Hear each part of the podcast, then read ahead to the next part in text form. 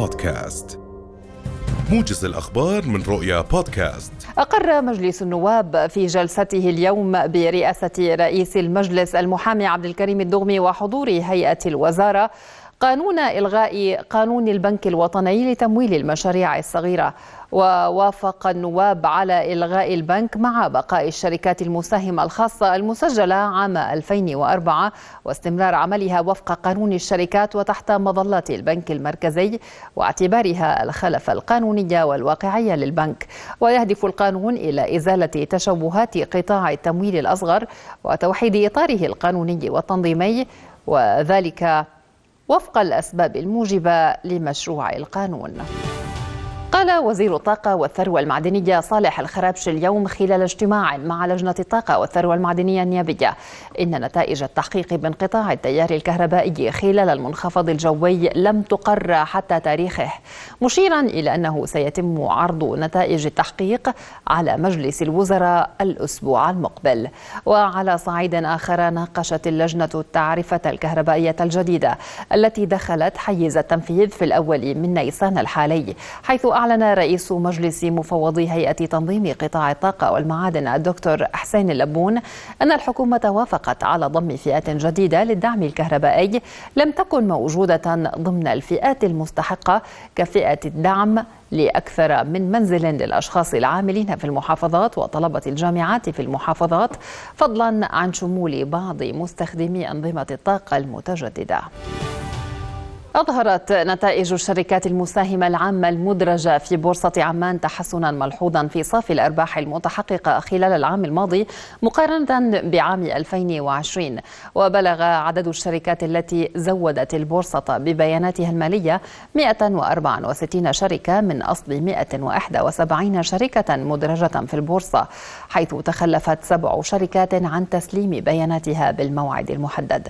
المؤشرات الأولية أظهرت أن أرباح أرباح الشركات بعد الضريبة بلغت نحو مليارا أو عفوا مليار و300 مليون دولار دينار عفوا لترتفع بنسبة 246% مقارنة بعام 2020 فيما بلغت أرباح الشركات قبل الضريبة مليارا و850 مليون دينار لعام 2021 بارتفاع نسبته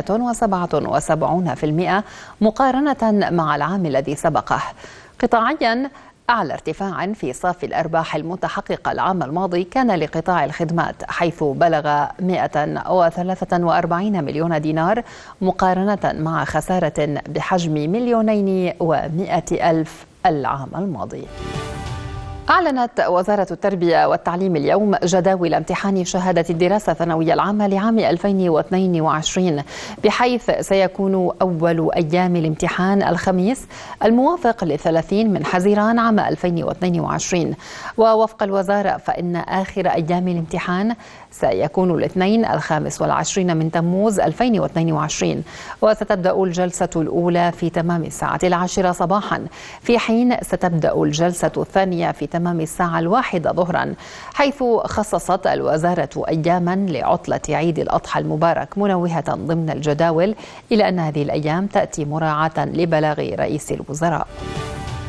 أدانت وزارة الخارجية وشؤون المغتربين التصعيد الإسرائيلي الذي تشهده الأراضي الفلسطينية خلال الأيام الأخيرة واستمرار اقتحامات المتطرفين الاستفزازية لباحات المسجد الأقصى المبارك الحرم القدسي الشريف وتحت حماية شرطة الاحتلال خلال شهر رمضان المبارك.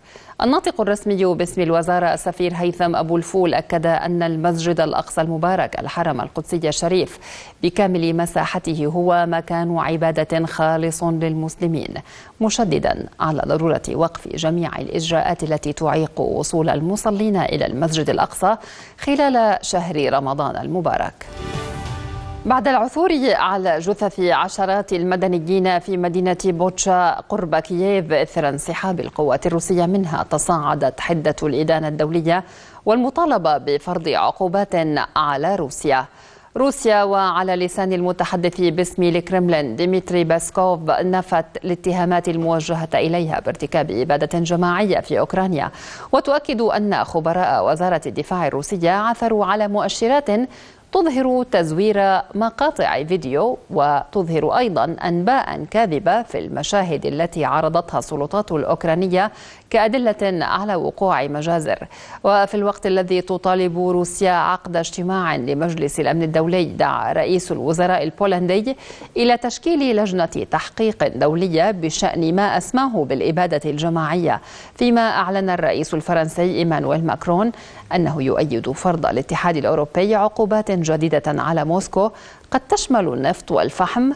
والاتحاد الأوروبي أعلن من جهته أنه يناقش بشكل عاجل فرض مجموعة جديدة من العقوبات على روسيا استجابة لطلب فرنسا وألمانيا بصورة خاصة.